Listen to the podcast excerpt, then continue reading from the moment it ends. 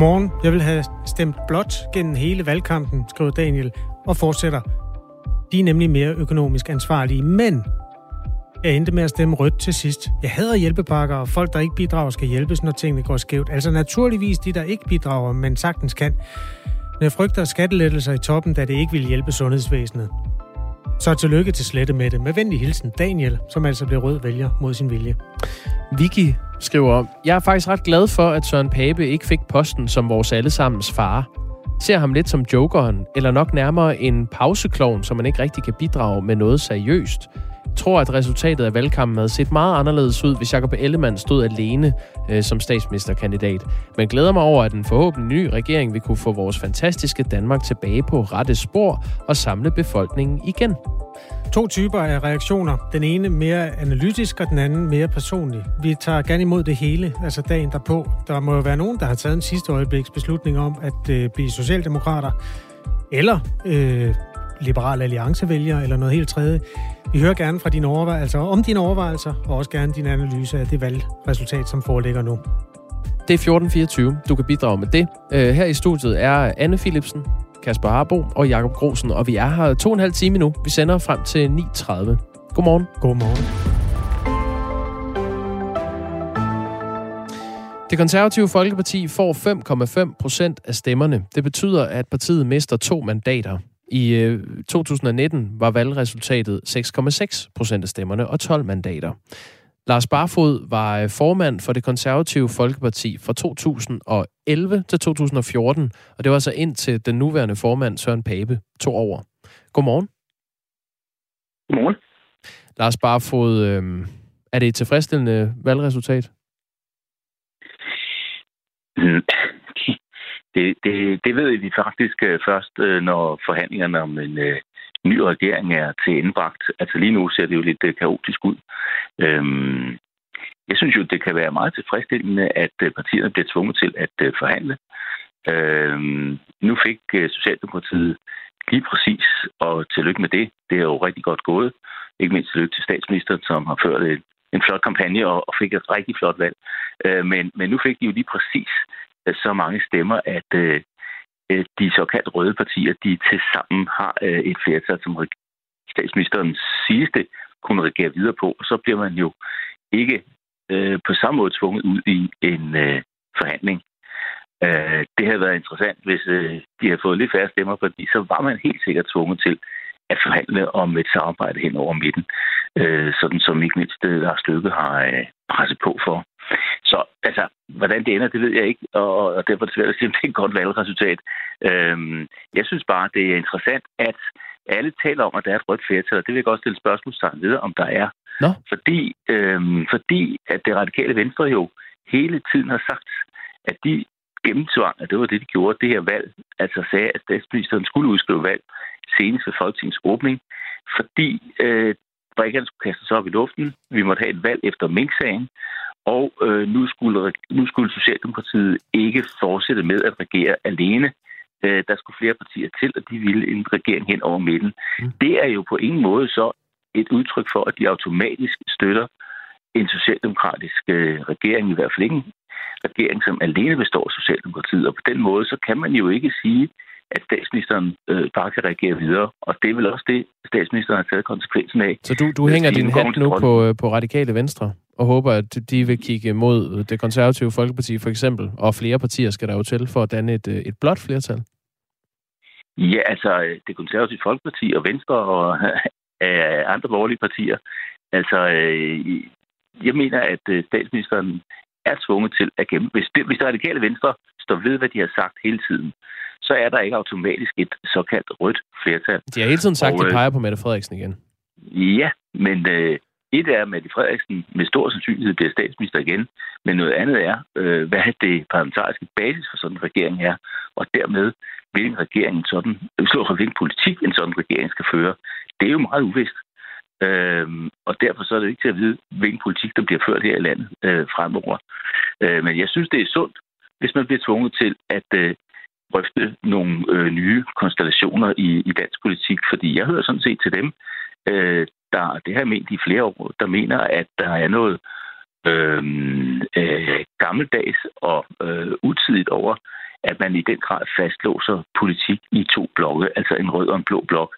Det er meget sundt, at man bliver tvunget til at se på nogle nye konstellationer. Men det er jo faktisk øh, det er jo Søren Pape, du taler mere til her, end du taler til Mette Frederiksen. For Mette Frederiksen gik til valg på at lave en regering ind over midten, og Søren Pape har hele tiden ja. sagt, det har ikke nogen gang på jorden.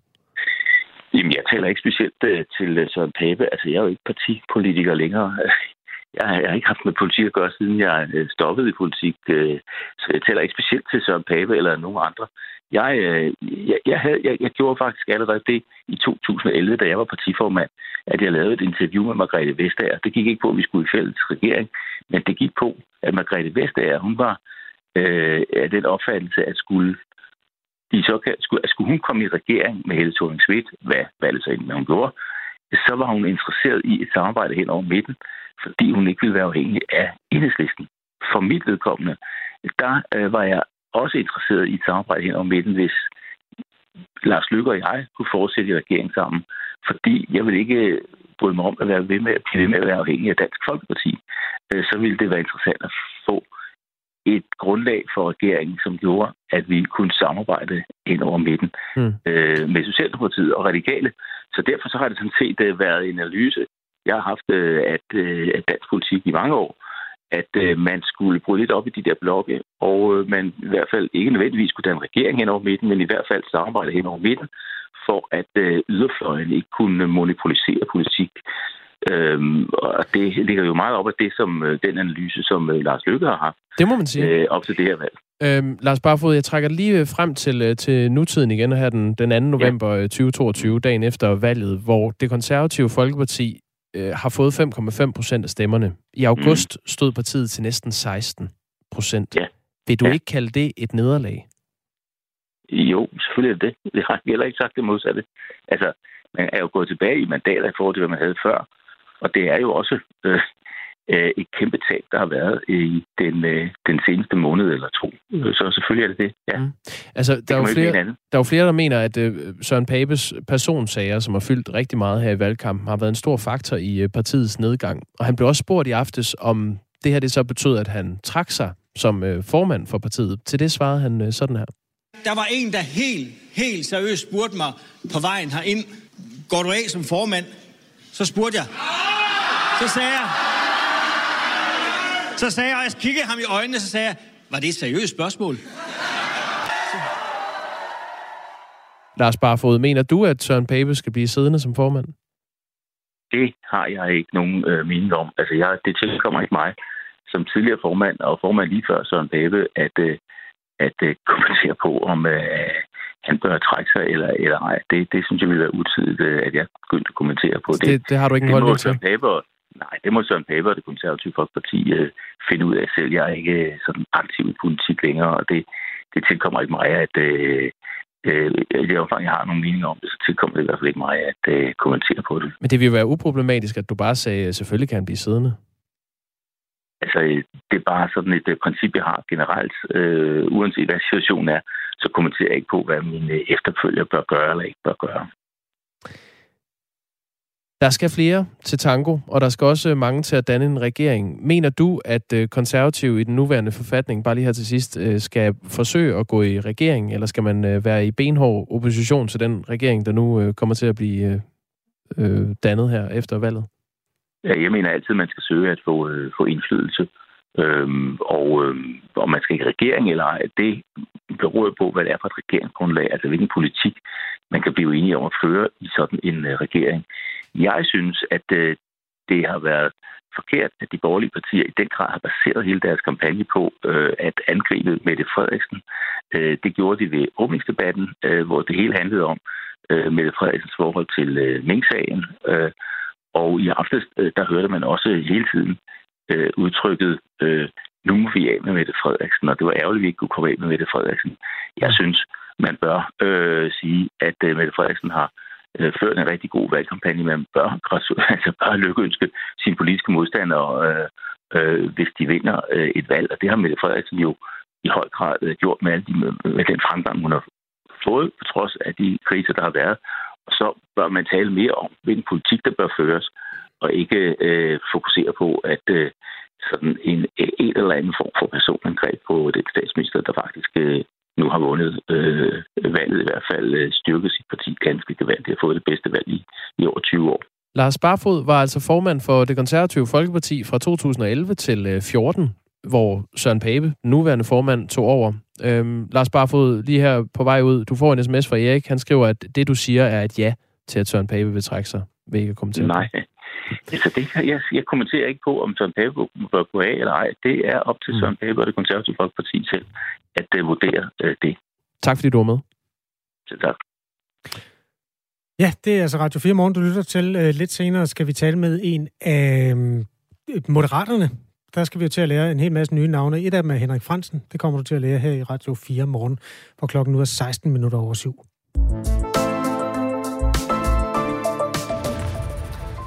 På trods af et sandt brevstemme boom under dette folketingsvalg, så endte den samlede valgdeltagelse med at blive den laveste i over 30 år. Knap 3,6 millioner vælgere havde enten brevstemt forud for tirsdagens valg, eller indfandt sig i går på et valgsted for at sætte krydset. Stemmeprocenten ender dermed på 84,1, viser tallene fra IT-selskabet KMD, som står for den officielle optælling af valgresultatet. Og det er altså den laveste deltagelse i mere end 30 år, Roger Buk, øh, valgforsker på Danmarks Medie- og Journalisthøjskole. Godmorgen for det første. Godmorgen. Godmorgen. Der har været masser af spænding for det her valg. Øh, hvorfor tror du ikke, den spænding øh, udløste større valgdeltagelse? Ja, fordi den spænding jo egentlig først og fremmest skyldtes, at der var rigtig, rigtig mange mennesker, der var i tvivl, og der var også rigtig mange mennesker, der var i tvivl helt til sidste sekund. Og der er der altså en god portion af de her tvivlere, der har endt med øh, og være så meget i tvivl, at de simpelthen har ladet være med at stemme. Men, men, men når det så er sagt, så synes jeg også lige, man skal holde fast i, at 84 procent er jo en fantastisk høj valgdeltagelse. Altså når man kigger rundt i Europa, når man kigger rundt i verden, så vil man øh, i stort set alle lande i verden kigge med dyb misundelse på en valgdeltagelse på 84 procent. Øh, så, så det er vigtigt at understrege. Altså vi har, vi har jo lande i verden, for eksempel USA, hvor en valgdeltagelse ned omkring 50 øh, er, det, øh, er standarden. Så det her det er en meget høj og flot øh, valgdeltagelse, men den er lav, og det er den laveste i 30 år. Og der har været en, en vigende trend, en svagt faldende trend øh, over de seneste valg. Så selvfølgelig er det noget af det, som også øh, bliver noget af det, man skal gruble over øh, efter valget på Christiansborg. Det er, øh, hvad, hvad er det her udtryk for, og kan man gøre noget for at, at vende den her tendens til en, en vigende valgdeltagelse? Jyllandsposten bragte i går på valgdagen en øh, oversigt over, hvor stor valgdeltagelse der har været ved alle valg siden grundloven i 1849. Den var på et tidspunkt 2,5 procent, så i den optik er de her plus 80 jo meget godt. Det højeste antal øh, vælgere, der har stemt, eller den højeste procentsats, var 89,5. Det var i krigens tid i 1943, og det er rekord. Øhm, Roger Buk, længden på valgkampen var jo fire uger, sådan i den, øh, den er længere end en minimumsvalgkamp i hvert fald, og de fleste begyndte at blive trætte. Kan det spille ind? Altså, det tror jeg virkelig ikke er, er noget, der er afgørende. Men, men må jeg ikke også lige sige, at det er jo lidt interessant, at den højeste valgdeltagelse var, da, da vi øh, var tilbage under besættelsen. Og øh, der kan man sige, at øh, vi har jo krig igen nu i Europa. Og, øh, og der, kan man, der kan man sige, at det var måske noget af det, der faktisk kunne have øh, trukket valgdeltagelsen højere op, hvis det havde spillet en, en større rolle i valgkampen. Det, det var jo noget af det, der var slående ved den her valgkamp. Det var, at selvom vi lever i en helt øh, exceptionel historisk tid i Europa, som vi gør, så prægede det jo overhovedet ikke valgkampen. Altså man diskuterede øh, stort set ikke den sikkerhedspolitiske situation. Øh, det lå som en ramme rundt om, om det, som man så diskuterede, og det var jo velfærd øh, som hovedtema klima som, øh, som supplerende tema. Øh, men, men selve situationen, den sikkerhedspolitiske situation, krigen i Europa, var ikke noget, der ligesom var det, der blev lagt på bordet og diskuteret hen over valgkampen. Og som måske så kunne have skabt den der stemning af, at vi lever i en, i en vanskelig tid, og at det er vigtigt at, at bakke op om, øh, om demokratiet. Øh, så, så det kunne være noget af det, der kunne have trukket valgdeltagelsen øh, en anelse op. Men, men hvis man skal kigge noget, ned i noget strukturelt, som måske er noget af det, der spiller ind i forhold til den vigende valgdeltagelse, så kan det jo også være sådan noget banalt noget som, at det simpelthen er blevet vanskeligere at stemme på valgdagen. Altså, vi har jo nedlagt cirka hver fjerde valgstrid i, øh, i Danmark over de øh, sidste 30 år. Øh, og det er jo det, der er forklaringen på det, som også blev nævnt her i oplægget, altså den, den meget, meget høje øh, brevstemmeafgivning, som man jo umiddelbart tænker, at det, det er jo meget godt, at folk går hen og brevstemmer i, i god tid, men det er jo også noget af det, der er til at undergrave valgdagen som, som, øh, som en tradition, øh, som, en noget, som en fællesskab, hvor man går hen som familie, øh, et, et par eller et par plus en voksen teenager, går hen som familie og stemmer. Og det er jo noget af det, som alle, den her, alle de her brevstemmer øh, er med til at undergrave. Og det er så i virkeligheden en effekt af, at man har nedlagt en masse valgsteder rundt i landet, så det er blevet sværere øh, at stemme på valgdagen. Det løb er så desværre kørt, fordi jeg kan ikke forestille mig, at man begynder at, at, at plastre landet til med valgsteder igen. Øh, så, så det kan vi ikke rigtig gøre noget ved. Men også ved det her valg så vi jo et, et, øh, en reduktion, 37 øh, tror jeg, i antallet af valgsteder. Og og det, det tror jeg i hvert fald noget, der vil være en rigtig god idé at lade være med at blive ved med at reducere antallet af valgsteder, fordi det simpelthen er med til at undergrave valgdagen som en, en familiemæssig tradition. Tak for analysen, Roger Bugt. Tak imod. Valgforsker ved Danmarks Medie- og Journalisthøjskole. Og en ting er jo øh, valgdeltagelsen, noget andet er jo også, om de stemmer, der så er blevet afgivet, er gyldige eller ej. Der har jeg øh, fundet lidt info om, øh, i hvert fald hvor det øh, står øh, skidt til, hvis man kan sige det sådan, med antallet af ugyldige stemmer. I hvert fald hvis vi ser på hovedstadsområdet, det er det, jeg kan finde indtil videre. Øh, TV2 Løje har hjulpet mig lidt på vej. Ballerup-kredsen, det er kommuner som Ballerup og Glostrup, har det højeste antal ugyldige stemmer, 0,54 procent i de her kredse. Og det er jo vigtigt at sige, det er ikke det samme som blanke stemmer. Altså det vil ikke sige, det er ikke de stemmesedler, hvor man bare ikke har sat noget kryds. Det er dem, hvor man har gjort noget, det man ikke må. Sat flere krydser, for eksempel lavet en smiley, der gør, at det bliver nemt at genkende øh, den her stemmeseddel. Så det er altså øh, bare for at sige, at der er en øh, topscorer der i hovedstadsområdet. Og øhm, tilsvarende så er Valby så det sted i hovedstadsområdet, der har det højeste antal blanke stemmer, som man jo gerne må. Øhm, der er øh, 1,7 procent af de afgivende stemmer i det område, der er blanke. Og det er jo også noget af det, der er lidt interessant at se på, fordi det har jo været tæt valg, så der skal jo ikke så mange ugyldige stemmer til på landsplan. Så måske lavede vi en fejl, uden før det faktisk ville måske kunne have rykket noget. De bliver sikkert grænsket en ekstra gang for at se, om der skulle gemme sig kryds et eller andet sted. Det har været øh, rekordtæt, det her valg, øh, hvor resultatet først forelå, for, forelå hedder det, da øh, vi havde rundet midnat. Klokken er 7.22. Du lytter til Radio 4 morgen. En af topscorerne ved det her valg, som lige nøjagtigt ikke øh, blev topscorer på den måde, øh, de gerne ville have været det, det var Moderaterne. Øh, Moderaterne er trods alt, selvom det ikke bliver et kongemagerparti, braget ind i Folketinget med 9,3 procent af stemmerne. Det giver 16 mandater.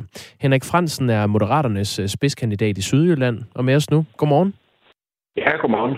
Du har været borgmester i Tønder Kommune, medstifter af det, der hedder Tønderlisten, øh, Danmarks største lokalliste, som fik 29 procent af stemmerne ved det seneste kommunalvalg. Men nu er du altså spidskandidat til en plads i Folketinget for Moderaterne.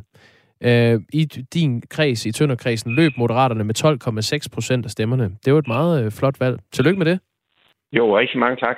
Hvad ved du i Folketinget? Jamen altså, nu skal vi lige have talt øh, de personlige stemmer op, før vi ved, om jeg får, rent faktisk også får et mandat. Vi er jo fire kandidater, og, og der er to mandater af i Sydland. Og det er jo de to, der, får det, der har det højst personlige stemmetal, der kommer ind. Så jeg, jeg venter lige med at sælge skin til bjørnen, den er skudt her. Regner du ikke med det? Øh, det skal man passe på med i politik. Der kan, der kan være mange ting, der sker. Så, så jeg, inden jeg sådan helt skråsikkert siger noget, så vil jeg gerne lige se de personlige stemmetal. Men det er jo klart, at hvis det lykkes mig at komme i Folketinget, så øh, vil jeg jo glæde mig over, at jeg bringer en masse erfaring ind. Jeg er jo en af dem, der har beskæftiget mig med politik igennem mange år. Ikke landspolitik, men øh, landbrugspolitik, øh, erhvervspolitik og senest fem halv år som borgmester. Mm. Øh, så jeg tænker jo, at jeg kan bidrage med, med, med det i Folketinget. Lars Lykke fik jo sagt noget med at tage nøglerne fra øh, Mette Frederiksen i sin øh, fejringstale til øh, Moderaternes kandidater i aftes til, til festen, og det var så før det endelige resultat forelå, og det viste sig, at han ikke kunne tage nøglerne fra Mette Frederiksen. Så er det derfor, du lige er påpasselig med at sige, at den er hjemme?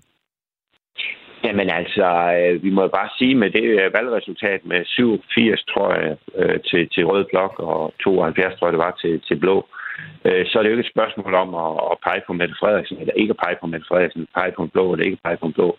Det er med Mette Frederiksen, der sidder med serveretten nu.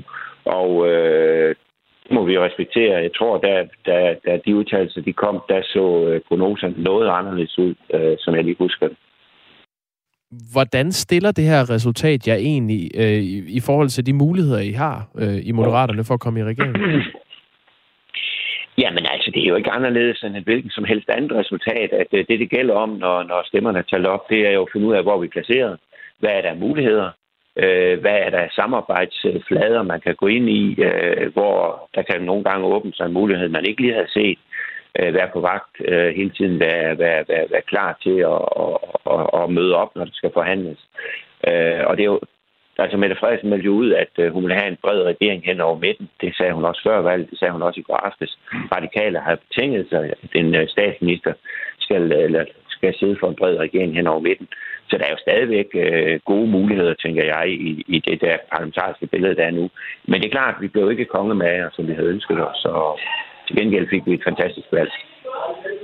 Henrik Fransen, øh, lige kort til sidst. Øh, det er jo et helt nyt parti, du stiller op for, Moderaterne. Hvordan kommer man til at mærke, at øh, Moderaterne nu har fået 16 mandater i Folketinget? Jamen, det skulle man jo gerne mærke derhen, at, øh, at midten i dansk politik er blevet styrket. Det er jo en af, synes jeg i hvert fald, en af, af, af de analyser, man kan lave af det her valg, at øh, befolkningen har ønsket sig, at, øh, at vi skulle samles på midten om at, at, at reformere det danske samfund. Mette Frederiksen meldte jo meget tydeligt ud, da hun øh, jo var noget bagefter, øh, da hun øh, gik ind i valgkampen, da hun øh, meldte øh, valgdatoen ud. Og det har jo i hvert fald været med til at styrke hendes position også. Øh, vi har sagt det hele tiden i Radikale, øh, fandt også på, at det var en god idé. Øh, så, så jeg tænker egentlig, at øh, måske lærerne af det her valg, det er, at øh, befolkningen vil egentlig gerne have, at Danmark skal reageres fra midten. Det sagde øh, Henrik Fransen, som altså er Moderaternes øh, spidskandidat i øh, Sydjylland, hvor man har fået 12,6 procent af stemmerne, Moderaterne betragtet. Altså en mand med politisk erfaring, og også kommunal politisk erfaring, hvor der måske er sådan lidt større tradition for, at man arbejder hen over midten. Han repræsenterede tidligere Venstre, men blev så borgmester, eller var borgmester i Tønder Kommune som repræsentant for Venstre og stiftede siden det, der hed Tønderlisten, som også fik et øh, fremragende kommunalvalg. Thomas Larsen er politisk redaktør her på kanalen. Nu fik vi hilst på endnu en moderat. Dem skal vi jo til at lære øh, 15 nye navne af, eller de fleste kender Lars Løkkes navn, og måske også Jakob Engelsmidt, men ellers er der mange øh, ukendte. Kan, kan du give noget bud på, Thomas Larsen, hvilket, hvilken rolle moderaterne kommer til at spille nu, hvor Mette Frederiksen er mindre afhængig af deres stemmer? Jeg synes egentlig, at Henrik Fransen han udtrykte det rigtig godt. Altså, i, hos Moderaterne, der kan de glæde sig over et bravende, flot øh, valgresultat. Altså, det er virkelig en historisk flot øh, debut, de har fået der. Men det er klart, de sidder også og ærger sig lidt over, at de ikke har fået rollen som kongemager, fordi alt andet lige, så reducerer jo det selvfølgelig deres øh, muligheder og deres øh, indflydelse. Når det så er sagt, så er der for mig at se ingen tvivl om, at i de her kommende meget svære øh, regeringsforhandlinger, der går i, i gang, der kommer øh, Lykke ikke desto mindre til at spille en af nøglerollerne, fordi ser vi på Blå Blok, der er det altså ham, der sådan for alvor har udtalt sig mest positivt om den her regering hen over midten. Jeg tror godt, vi konstaterer, at han er ikke personligt en stor fan af Mette Frederiksen, men han ønsker jo altså den her brede regering, og derfor så kommer han også i spil, og så tror jeg også, at han vil prøve at trække de radikale med ind i den ligning. Tak, Thomas Larsen, politisk redaktør her på kanalen. Øh, Anne Philipsen er også hos os, sidder ja. og knuser tal. Hvad har du til os? Jamen, øh, jeg synes, vi lige skal se på nogle af de politikere, som øh, står op her til morgen med en større uvidshed end andre, nemlig dem, hvor de allerede nu kan se, at der ikke er nok mandater til alle de profiler, der stiller op i de forskellige valgkredse. Radikale Venstre er interessant. Øh, Københavns omegn storkreds, der mister man et af deres to mandater. Det vil sige, at der er kun et mandat, og det skal fordeles mellem sundhedsordføreren i partiet, Stinus Lindgren, eller den politiske leder, Sofie Karsten Nielsen. Så det er altså to ret sådan fremtrædende radikale, som øh, kommer til at øh, skulle kæmpe om den her ene plads. Og der er vel også andre kandidater, som kan have... Ja, udover det ja. er der jo også øh, andre, som selvfølgelig havde håbet, at de kunne få lov at komme ind. Øhm, også på Fyn øh, ser det ikke ud til, at der bliver noget mandat til radikale, og det vil sige, at klimaordfører Rasmus Helve Petersen, som en del også kender, som jo også har været en del af partiet i mange år. Tidligere minister. Præcis, øh, ser ud til at ryge ud af Folketinget faktisk. Øhm, lad os også bare lige øh, runde et uh, drama hos Dansk Folkeparti. Der uh, ser ud til kun at være et mandat til Dansk Folkeparti i Sjællands Storkreds. Og der står altså både partistifter Pia Kærsgaard og gerne vil have fingrene i det, og finansordfører René Christensen. Som også er næstformand i Dansk Folkeparti, René Christensen. Vi har med her i programmet kl. 10 i 8 er han med til lige at løfte for, hvordan han ser på den kamp, han har med, med Pia Kærsgaard der. Du kan skrive os til os på nummer 1424. Der er kommet mange fine inputs, som vi lige rydder op i efter nyhederne. Det her det er en udvidet omgang Radio 4 Morgen, bestyret af Jakob Grosen, Anne Philipsen, Kasper Harbo, Thomas Larsen og vores nyhedsvært Asbjørn Møller. Klokken er halv otte.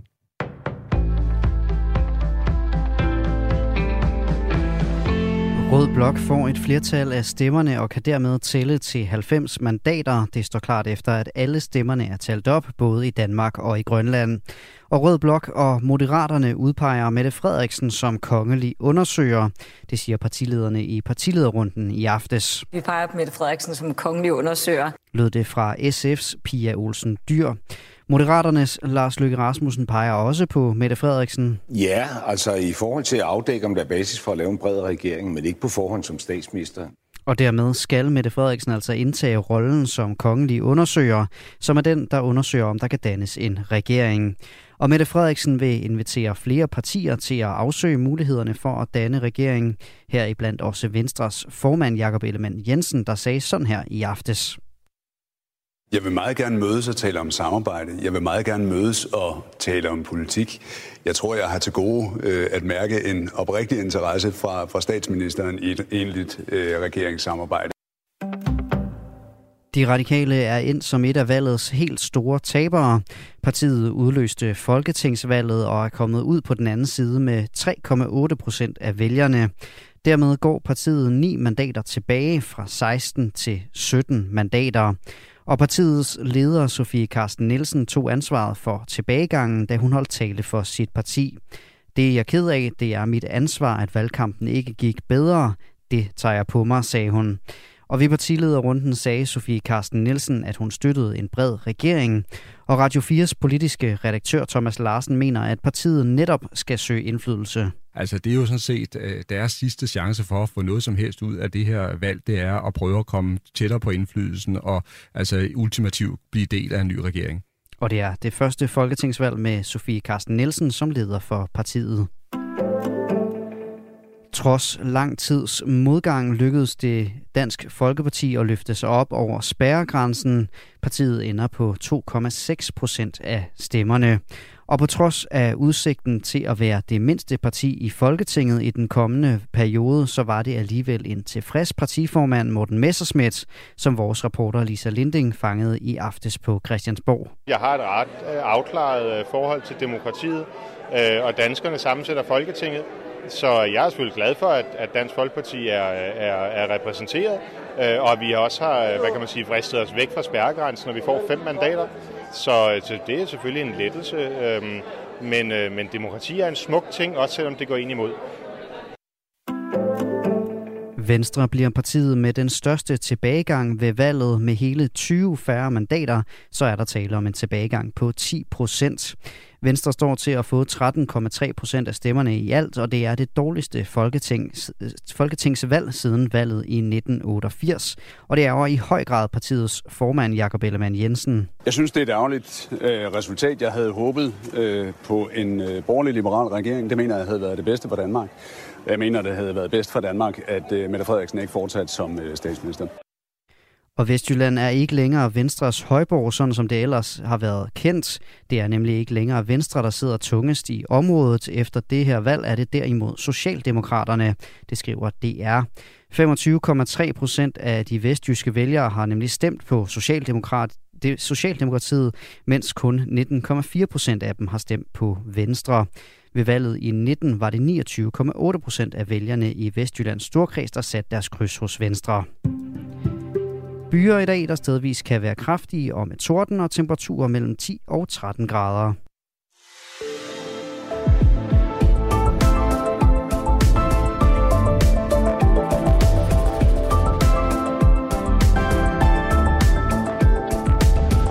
Hvor mange stemmer fik øh, Frie Grønne præcist, spørger en.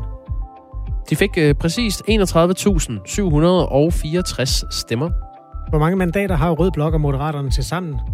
Øhm, Nå, til sammen. Øhm, Rød Blok har 87, og så har de så, øh, Moderaterne har 16, og så er der så tre øh, nordatlantiske mandater oveni. 106. Nemlig? Som vi var inde på lidt tidligere, så er valgdeltagelsen lidt lavere end sidste folketingsvalg, og der er et par analyser af det. Der er nogen, der mener, at det bare er fup. Øh, det er Katarina. Så er der en, der skriver, valgkampen varede et halvt år. Vi fik jo bare først datoen at vide den 4. oktober.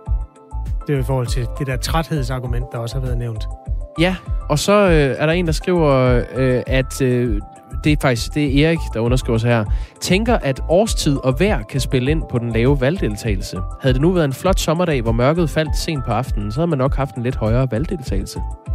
Der er til gengæld rigtig mange lande, andre steder i verden, der vil give deres højre arm, hvis en arm, eller hvis et, valg, eller et land har ikke arme, men de, dem, der bor der, vil give deres arm, eller valgforskerne der vil give deres arme, begge arme, for at valgdeltagelsen i det land var lige så høj som i Danmark. For den var 84.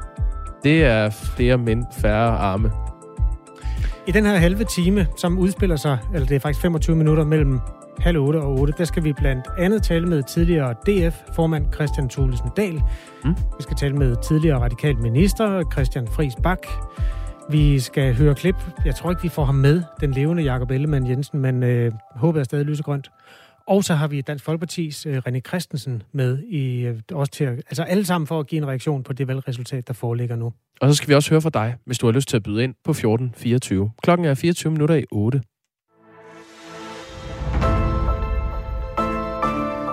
Danmarksdemokraterne med Inger Støjberg i front stormede ind i Folketinget med 14 mandater. Dansk Folkeparti fik derimod et helt andet valg, mistede 11 mandater. Partiet er nu nede på 5. Christian Thulesen Dahl, øh, mange vil kende dig som øh, tidligere formand for Dansk Folkeparti gennem næsten øh, 10 år. Du øh, forlod posten i, øh, tilbage i starten af året. Nu er du administrerende direktør i øh, Port of Aalborg. Du er havnedirektør. Godmorgen. Hm. Godmorgen. Efter du meldte dig ud af partiet i sommer, så blev der spekuleret i, at du ville melde dig ind i Danmarksdemokraterne. Men det, det gjorde du ikke. Hvor, hvor var du i aftes? Jamen, jeg var på øh, Christiansborg, øh, fordi jeg havde aftalt med et par tv-stationer, at jeg gav nogle øh, sådan erfaringer om, hvordan det er at stå som partileder og vente på resultatet. Og øh, når jeg var derinde, øh, så kunne jeg også gå lidt rundt og hilse på øh, de forskellige partier. Øh, og det var faktisk en, øh, en øh, kæmpe oplevelse for mig, fordi man skal huske på, at alle de her år, jeg har været med i politik i 28 år, der har jeg jo øh, været bundet til et bestemt sted på sådan en valgaften. Men øh, at være derinde en valgaften, hvor jeg så også havde lejlighed til at gå rundt og snuse og besøge forskellige partier øh, og mærke den der atmosfære, der er på sådan en valgaften, det, det, det var det, jeg brugte aften på i aftes, og det var, det var en stor fornøjelse. Var du også inde til Dansk Folkepartis fest? Jeg nåede ikke lige præcis ind omkring øh, DF's øh, øh, valglokale, øh, men jeg nåede en del andre steder, og, øh, og blev øh, mødt af glade mennesker, som, øh, som jeg fik gode snakke med om, øh, om de ting, som vi jo har haft i fællesskab øh, igennem mit politiske arbejde. Og det er jo selvfølgelig også en måde, jeg kan holde, kan man sige, holde kontakt, øh, eller kon, kon, nettet der, øh, altså varmt på, fordi jeg har jo også en interesse i selvfølgelig nemt at kunne tale med, med politikere, øh, også i fremtiden. Hvorfor prioriterede du ikke lige at kigge ind til Dansk Folkeparti?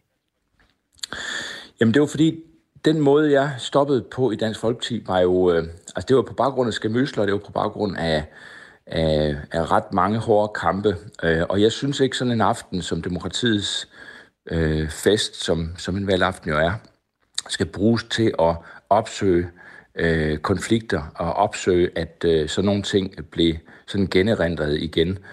Øh, og jeg vidste jo godt, der inde i DF's lokale ville være folk, som øh, jeg har haft de her bataljer med, dengang jeg var der, øh, og derfor synes jeg simpelthen ikke, det var aften og, øh, og risikere, at de blev, øh, blev øh, altså at, at de blev, som jeg siger, generindret, altså at man ligesom skulle tænke tilbage på det. Alle skulle have lov til at have deres øh, valgaften i fred, øh, og, og jeg er jo mentalt kommet videre fra det brud, der skete i sommer, øh, og, og jeg håber også, at, at partiet er kommet videre. Gør det egentlig ondt i hjertet på, øh, på dig, Christian Tulsendal, at Dansk Folkeparti ender med at få 2,6 procent af stemmerne og miste 11 mandater? De er nede på 5. Altså, jeg synes, det var meget forventeligt, og man kan sige, noget af det, der egentlig synes jeg var overraskende i aftes, det var jo, at øh, meningsmålingerne øh, pegede øh, ret rigtigt, altså i den måde, man ligesom havde vurderet partierne til at stå på. Og når jeg tænker, det, det var en overraskelse, så var det fordi, der var helt indtil foregårs målinger, der sagde, at 30 procent stadig var, altså vælgerne stadig var i tvivl om, hvor de ville stemme. I starten af valgkampen var, talte man om, at over 60 procent af vælgerne var i tvivl.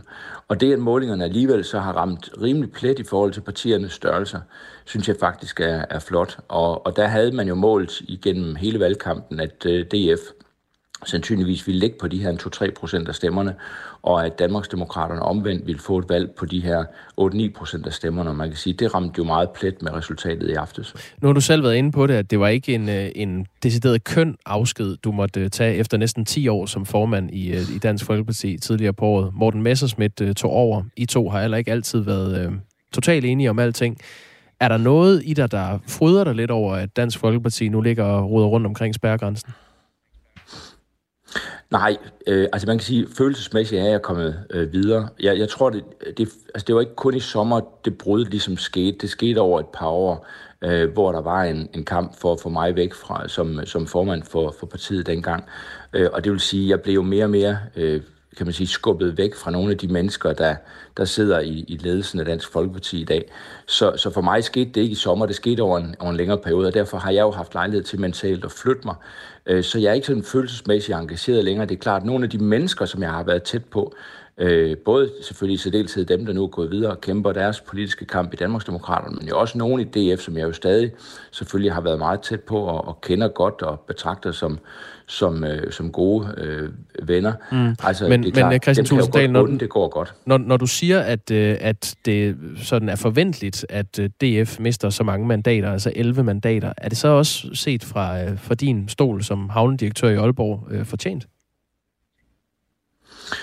Jamen det er altid sådan, at når, øh, når et parti ikke sådan har, har helt styr på sig selv i det indre, så, så mister man vælgere, fordi hvordan kan man bede vælgerne bakke op om, at man skal kunne lede et land, hvis ikke man kan lede sig selv. Så det er klart, at alt det, der har, man har været igennem, har selvfølgelig taget på, på tingene. Man kan også sige, historiefortællingen for et års tid siden var jo, at det var mig, der stod i vejen for, at DF kunne få fremgang igen. Øh, og hvis bare jeg ville tøffe sted som formand og forsvinde, så ville øh, der komme kronede dage for partiet. Og man må sige, nu er der i hvert fald nogen, der har siddet og haft ansvaret øh, i snart et, et års tid, og, og, og, og de må så også tage ansvaret for det valgresultat, der, der kommer. Men, men sagen er bare, at, at konkurrencen er jo benhård. Øh, der er partier, der er mange partier, nu er der også et nyt parti, Danmarksdemokraterne, der byder sig til. Og mm. man kan sige, at det, der skete, da vi stiftede øh, Dansk Folkeparti i 95, det var jo virkelig ved det første valg i 98, der fik DF 7,4 procent af stemmerne. Øh, Fremskridspartiet, vi kom ud af dengang, øh, lå omkring øh, spærregrænsen, altså en 2-3 procent. Og man kan sige, at på den måde gentager historien sig jo lidt, nu hvor det bare er Danmarksdemokraterne, der ligesom har fået ikke 7,4, men, men over 8 procent af stemmerne, og så et DF, der ligger på en 2-3 procent. Tak skal du have, Christian Tulsendal. Selv tak. Administrerende direktør i Port of Aalborg, tidligere formand for Dansk Folkeparti gennem øh, næsten 10 år. Dansk Folkeparti fik omkring en kvart million stemmer, første gang partiet stillede op under eget navn. Siden øh, var det jo en lang optur, kulminerende i 15, hvor de fik faktisk tre kvart million stemmer. Altså 741.000 stemmer fik øh, Dansk Folkeparti ved den lejlighed. I går var antallet 93.000.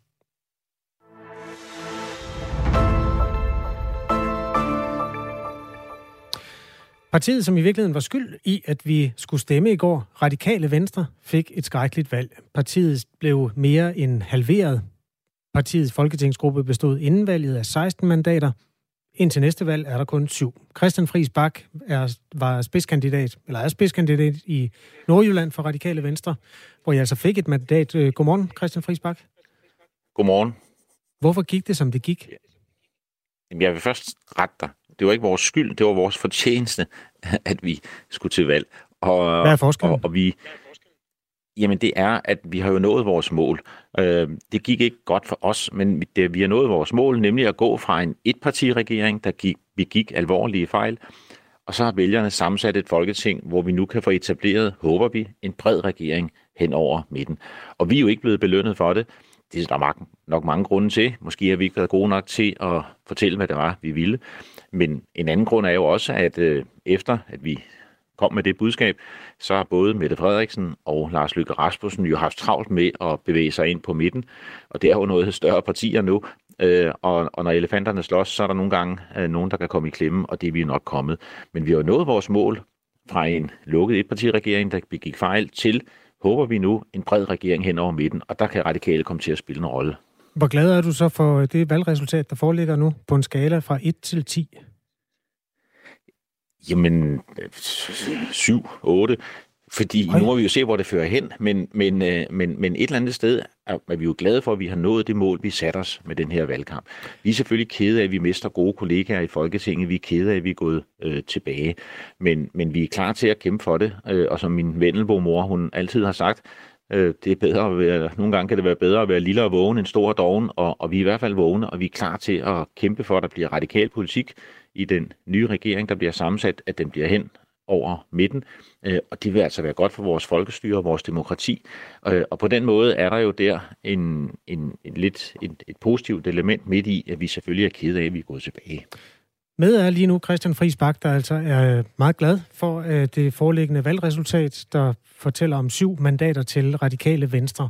Traditionelt regner man radikale venstre med til rød blok, øh, Christian Friis Bak. Du må rette mig, hvis jeg tager fejl.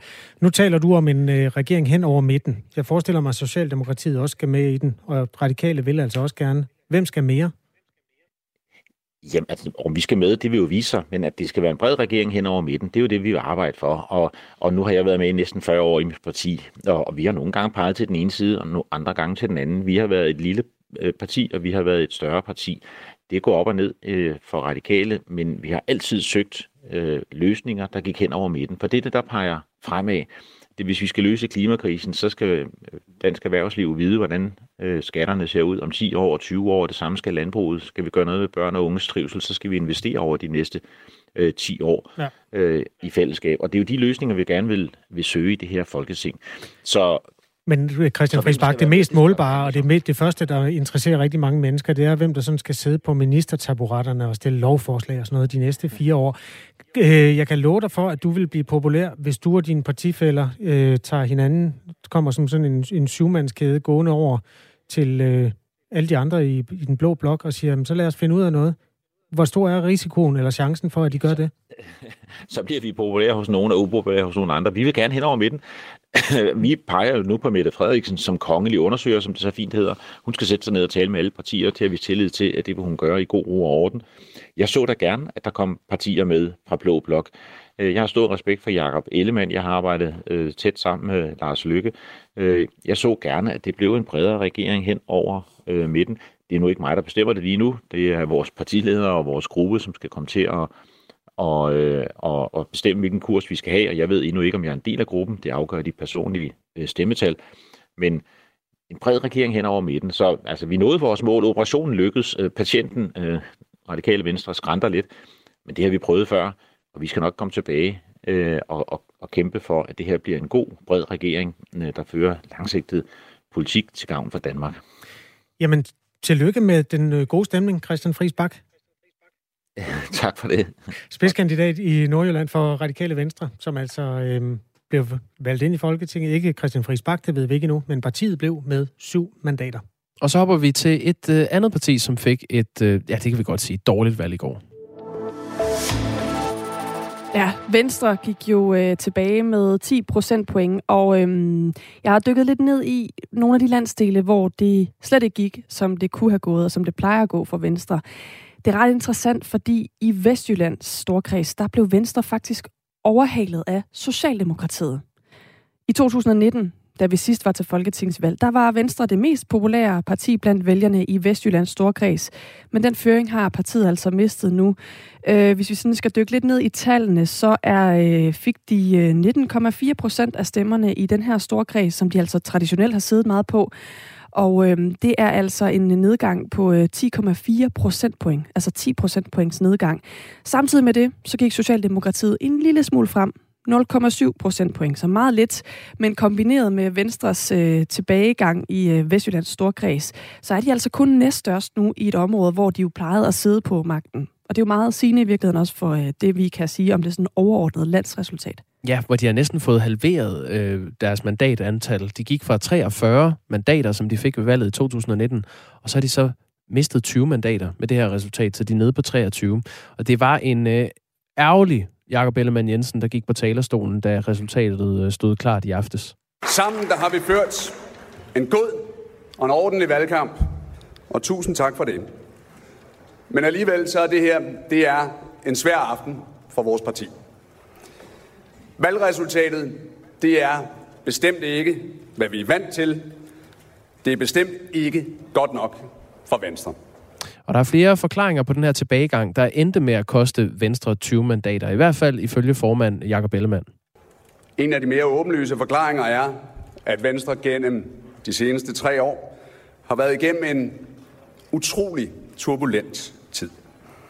Vores tidligere formand, vores tidligere næstformand, har hver især stiftet deres eget parti.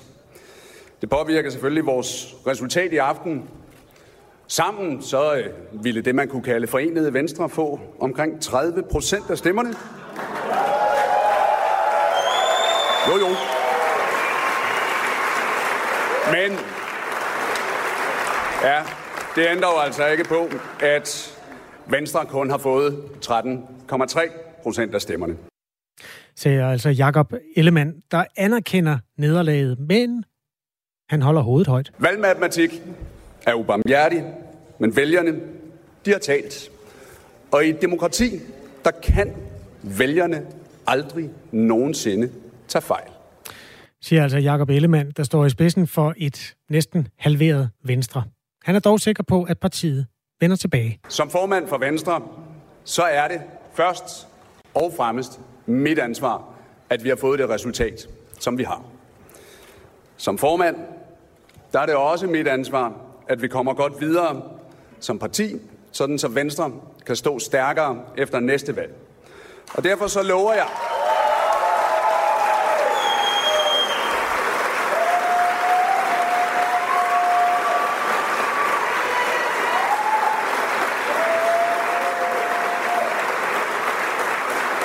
Derfor vil jeg love jer, at jeg kommer til at rejse mig som den første.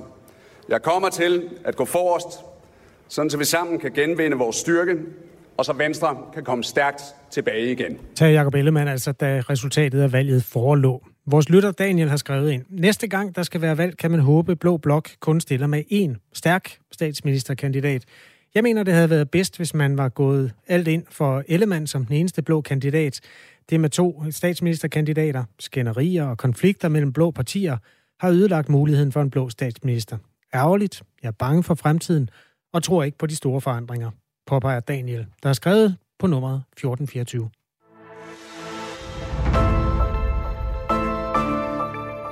Et andet parti, der ikke ligefrem øh, kan klappe af det valgresultat, der kom i går, det er Dansk Folkeparti, som landede på 2,6 procent af stemmerne, gik fra ja, gik 11 mandater ned fra 16 til 5.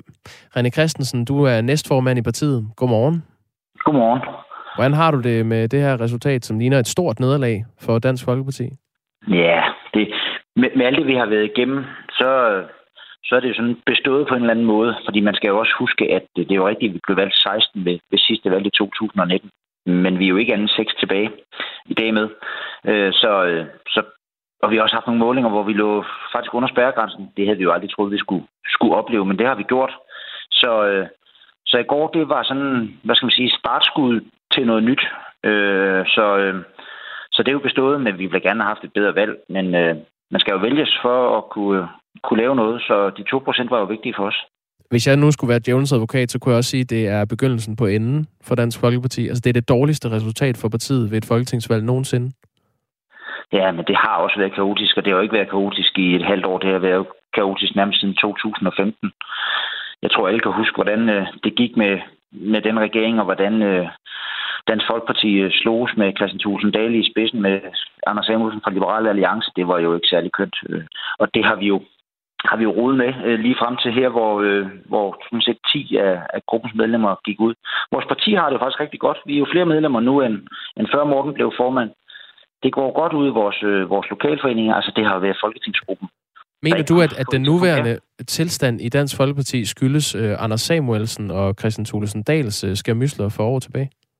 Jamen, det har da været med til det. Altså, øh, jeg tror ikke, det der med at have et parti, hvor man går mere op i det, man er sur på, end, altså, Ja, jeg er jo sådan en person, altså jeg vil hellere være, være med til at forandre noget. Altså jeg siger jo tit, øh, altså når vi har været støtteparti, når jeg har stået nede på talerstolen, og der har været et øh, forslag fra enhedslisten, så har jeg jo godt kunne sige, at der er 80 procent, jeg synes, der er dårligt, men der er jo faktisk 20 procent. Det har jeg ikke lige selv set. Det er faktisk meget fornuftigt. Skal vi så ikke arbejde sammen om de 20 procent? Altså det er jo det, der er interessant det er jo ikke interessant at blive valgt til Folketinget. Det er jo interessant at være med til at forandre Danmark. Men man skal så være valgt for at blive en del af det. Og det, øh, det er vi blevet nu. Og nu kan vi jo komme til at bygge det her nye projekt op med en, med en ny ledelsesstil, for det er jo det, vi har behov for. Så er spørgsmålet så, hvem det er, der skal øh, være med til at bygge partiet op igen. Altså, mm. I, bliver, I går 11 mandater ned, øh, bare lige for at gentage det, fra 16 til 5. Det betyder, at I øh, mister øh, et mandat, eller 11 mandater, men I, I skal så kæmpe om et mandat i den kreds, du øh, stiller op i, Sjællands Storkreds. Og der står du over for Pia Kærsgaard. Altså, du og Pia Kærsgaard skal dyste om et mandat. Hvordan spår du dine egne chancer for at fortsætte i Folketinget? Ja, men det er jo sådan en, det er jo lidt fjollet, at vi har valgt at stille op i, i samme kreds, øh, og nu kan vi i hvert fald se på tallene, at det er et par 20.000 stemmer, der er afgivet til, til Dansk Folkepartis fordel i Region Sjælland, så der bliver kun et mandat. Så det, det er jo bare ventetiden nu, så må vi se. Den, der får flest stemmer, øh, kommer ind, så jeg vil jo gerne have en stemme mere end Pia, jeg er helt sikker på, at Pia gerne vil have en stemme mere end mig, fordi vi er jo to politiske mennesker, som selvfølgelig gerne vil vælges. Så er, er, du, jo, øh, er du en bedre øh, politiker at have med til opbygningen af Dansk Folkeparti end Pia Kærsgaard er? Jeg er i hvert fald en anden politiker, end, end, end Pia Kærsgaard er. Og, øh, det er, og det er jo... Ja, altså, nå, det er vi, altså, vi er jo meget forskellige øh, som, som personer, og det er jo også det, som øh, gør et parti stærkt, hvis der, hvis der er flere forskellige profiler med Men altså, jeg er helt øh, afklaret med, at øh, nu er det vælgernes øh, dom, vi venter på, og den kommer vel her i løbet af eftermiddagen i dag, og så tager vi den derfra. Hvordan vil du sige, I adskiller jer fra hinanden politisk? du og Pia Kærsgaard? Jamen, Pia, det har man selvfølgelig også brug for. Altså, Pia er jo mere sådan udrettet og, og god til at komme medierne og skarpe meldinger og alt det her, som der også mange, der har efterlyst. Hvor jeg er jo mere sådan en type, altså... Øh, jeg, vil, jeg vil faktisk hellere lave politik. Altså, jeg kan godt lide at sidde øh, og lave finanslov øh, til klokken 2 om natten, og det er jo ikke ret mange, der ser, at man laver alt det der. Jeg kan godt lide at sidde nede på mit kontor og læse mine lektier, og jeg synes, det er super spændende at være med til at lave de her ting her. Og når man så har været med længe, så lærer man jo også, og det at være politiker er jo også et håndværk. Til januar har jeg været medlem af Folketinget i 15 år. Og øh, den der personlige, faglige stolthed, der er ved at have lavet en rigtig god aftale, den, øh, det synes jeg er rigtig godt, og jeg synes jo, det er godt for mit parti, og jeg synes også, det er godt for Danmark. Men øh, man, man skal selvfølgelig også kunne det andet. Altså det der med at råbe højt ud af vinduet, det, øh, det giver også noget nogle gange. Morten Messerschmidt sagde i går, at det her det er en ny æra, der kan begynde for Dansk Folkeparti. Øhm, hvis du bare lige sådan skal, skal svare, øh, så man forstår det. Hvem af du og Pia Kærsgaard er bedst at have med til sådan en genoprejsning af Dansk Folkeparti? Jamen, det har jeg ikke nogen. Det, det, det skal jeg ikke kunne sige, men altså, jeg, jeg har selvfølgelig kæmpet for, at jeg gerne vil, vil, vil være en del af det, øh, og det bliver jo super spændende. Altså, vi har jo været et enormt topstyret parti igennem alle årene, øh, og der har Morten jo lagt en meget mere moderne ledelsesstil frem, hvor han udvider hovedbestyrelsen, meget mere politikudviklingen. På vores sommergruppemøde havde vi gode folk med ud fra baglandet, som ikke er valgt til Folketinget endnu. Mere fokus på vores byrådsmedlemmer, som jo faktisk skal udrulle den politik, som vi beslutter i Folketinget. Øh, og det vil jeg jo rigtig gerne være en del af. Også fordi jeg har været lokalpolitiker, så jeg stadigvæk er det. Altså, den der fornemmelse for, hvordan politik virker, der, der tror jeg altså, Morten, han, er, han, kan, han kan få det til at, til at komme op og flyve igen. Hvis I nu var ikke var blevet valgt ind, bare lige her til sidst, øh, René Christensen, mm. tror du så, det havde været dødstød til Dansk Folkeparti? Det er, det er jo... Nej, altså vi, vi er jo stadigvæk et, et, et parti, der har været med så længe, så vi har jo en fantastisk organisation, og som jeg også sagde før, altså vi er jo flere medlemmer nu, end, end før Morten blev formand, så partiet vil jo stadig være der. Men I er færre, færre vælgere? Ja, ja, vi er, ja, vi er færre vælgere. Og, men det er jo det, der har været så, så skræmmende i den her, hvad skal man kalde det, nedsmeltning. Man kan kalde det, hvad man vil. Altså, at det var folketingsgruppen, der ikke fungerede. Altså, det er jo, det er jo egentlig helt vildt, at, øh, at man i en folketingsgruppe på, på 16, og man er valgt ud af 179 til at, til at styre Danmark, så er det de her personlige ting, som, som gør det. Det er næsten det, der skræmmer mig mest i den her sag, vi har været igennem. Og derfor er sådan lidt, jeg er fuld af fortrøstning i forhold til, til fremtiden. Det er jeg virkelig. Hvis man skal se positivt på det, så er der færre at skændes med nu i øh, gruppen, René Christensen. Du skal tak for at være med. Tak for det, måtte. Øh, næstformand i Dansk Folkeparti, og altså René Christensen, der kæmper med Pia Kærsgaard om øh, det ene mandat i Sjællands Storkreds. De personlige stemmetal kommer drøbende i løbet af dagen, og det er jo altså der, hvor der er nogle personlige dramaer, som vi glæder os til at få afklaret. Det der, det er et af de helt store, altså hvor et mandat skal fordeles på to klare profiler sådan, man, hvis man siger historisk set, er Pia Kærsgaard jo nok den største profil, der nogensinde har været i DF, men det skal jo altså stadig være op til vælgerne. Jeg sidder jo og holder øje med øh, den side, som vi ligesom kan følge valgresultaterne til ind på. Jeg kan bare sige, at for øh, 10 minutter siden, der begyndte den første kreds at opdatere. Så der er nogen udlandet, der er vågnet nu. Det er i Kolding-området, at de begynder at øh, opdatere med ekstra detaljer på de her stemmer, hvor man altså også begynder at kunne se de personlige stemmetal. Så det er på vej så småt, men det er klart, at det tager noget tid, før man sådan kan gå ned i de der detaljer. Det er øh, noget, vi kan blive ved med at holde øje med. Vi sender Radio 4 morgen frem til klokken 9.30 i dag. Vi har udvidet øh, åbningstiden her i øh, programmet. Det er Kasper Harbo, Anne Philipsen, Jakob Grosen, der er værter. Der er også lige smørbrødsseddel for den næste time. Jeg kan se, Jakob Engel Schmidt er på øh, gæstelisten. Fra Moderaterne. Dragsted. Fra Enhedslisten. Måske Carsten Kismer, og måske... Jamen, der er mange. Klokken er 8.